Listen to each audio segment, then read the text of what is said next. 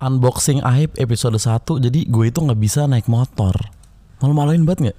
Gue cowok umur 28 bahkan gue tergabung dalam piston band yang lagu-lagunya beberapa kali dipakai buat orang bikin video mereka lagi motoran ya. Bahkan video sekepal aspal pakai lagu piston tapi guanya gitu nggak bisa naik motor. Gue gue naik motor metik bisa tapi gue nggak bisa naik motor kopling. Gila malu-maluin banget gak tuh tapi ada ceritanya.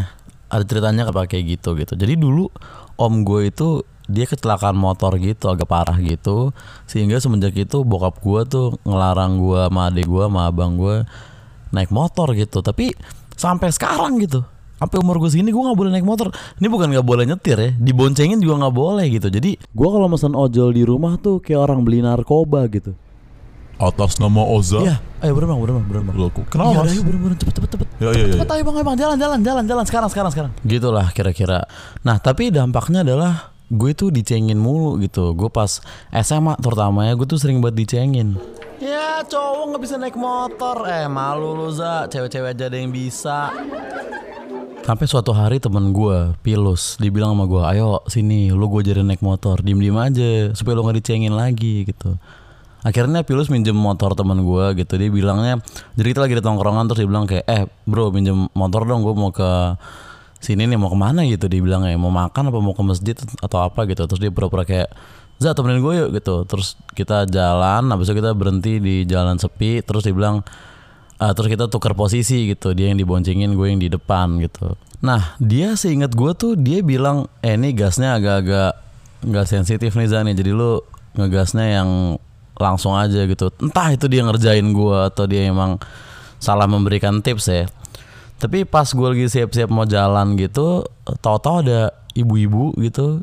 Ibu-ibu atau bapak-bapak gitu gue lupa. Dia tiba-tiba aja gitu. Dia lewat terus dia bilang dia mending pakai helm. Nanti di depan ada polisi loh. Dan setelah gue pikir-pikir sekarang tuh mungkin Dewi Kwanim itu ibu-ibu. Soalnya sekitar 6 det 10 detik setelah dia ngomong gitu nggak sih nggak 10 detik ya ya setengah menit setelah dia ngomong gitu yang terjadi adalah motornya nyongslep di jalan dan gua semi-semi eh, keseret di jalanan gitu di aspal dan bener-bener ya kepala gue keseret gitu. Misalkan gua nggak pakai helm itu muka gue yang keseret gitu. Dan tadinya gue mau pilus emang nggak pakai helm sebelum ibu-ibu ini lewat gitu.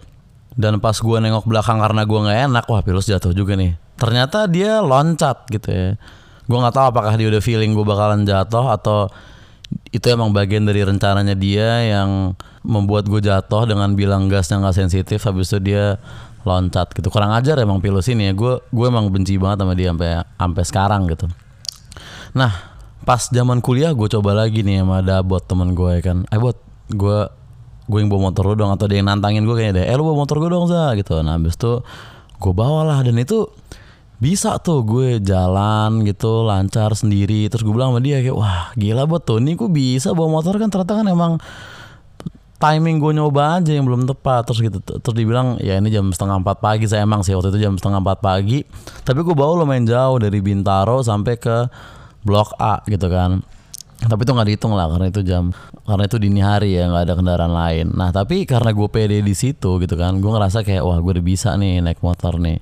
Nah suatu hari di rumah gue ada teman gue gitu. Bukan teman gue bahkan sih karyawannya bokap gue pada waktu itu Mas Chandra namanya. Nah gue dia punya motor Satria. Satria atau apa ya? Satria deh kayaknya. Terus gue kayak wah kopling nih gue belum pernah nih bawa kopling nih. Kemarin gue metik bisa. Kopling masa nggak bisa? Gue pikir gitu. Nah terus gue pura-pura aja kan Mas Chandra saya pengen beli nasi padang nih mau nitip nggak? Gitu. "Ah, boleh deh za. Gitu kan. Terus kayak oh yaudah masih minjem motor dong gitu. Terus oh yaudah nih nih, nih. dia dia nggak tahu gue nggak bisa naik motor kan jadi dia ngasih ngasih aja gitu. Terus ya udahlah gue bawa gitu kan motor kopling ini gitu. Pertama kayak kok ini nggak bisa nyala nyala nih motor nih. Gue pikir oh mesti disela kali ya. Nah ada bapak-bapak lagi lewat. Dia dia bilang lagi dia jadi kayak ngecengin gue sebenarnya sih kayak eh dia itu sambil koplingnya sambil dilepas pelan-pelan di- diajarin sama dia gitu cara starter motor kopling gitu. Dan gue udah wah malu banget nih. Gitu tapi ya udah gue bilang dia makasih pak ya gitu. Akhirnya karena motor bisa nyala kan terus ya udah gue jalan gitu gue coba. Nah ini bisa nih, gue pikir kan gampang gitu doang, ah gini doang. Nah rumah gue tuh deket tongkrongan gue Terus gue pikir kayak Wah ini gue bawa ke tongkrongan kayaknya lucu nih. Pasti anak-anak ketawa nih. Gue biasa dicengin gak bisa bawa motor Tiba-tiba gue bawa Satria kayak gini.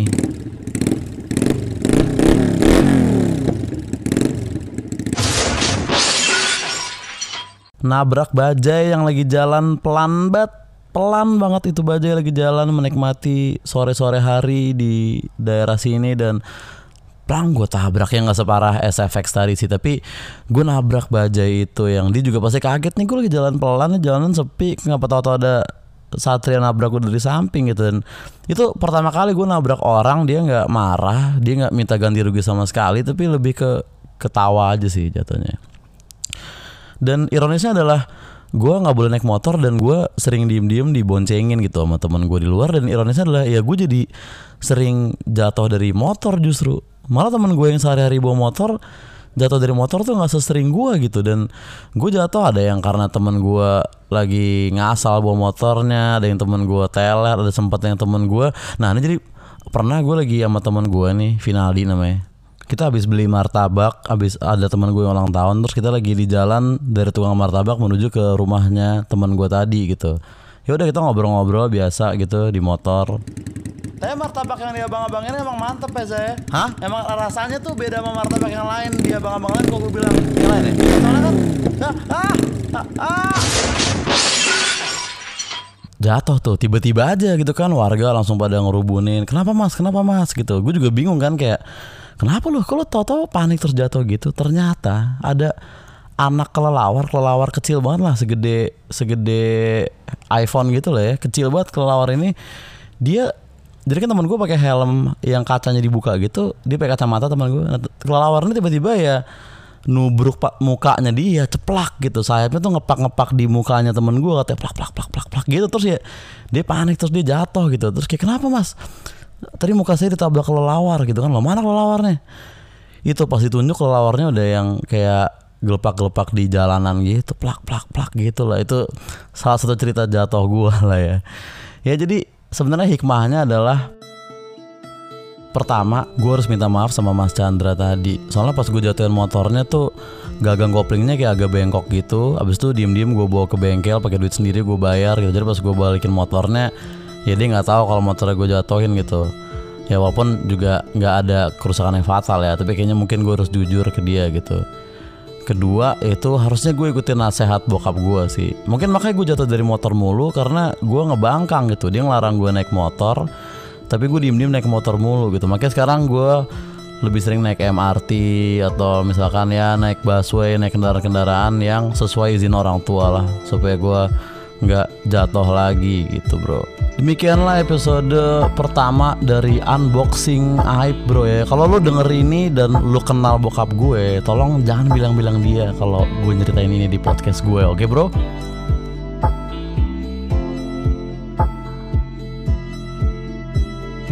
Ox cukup. Thank you, thank you, thank you, thank you.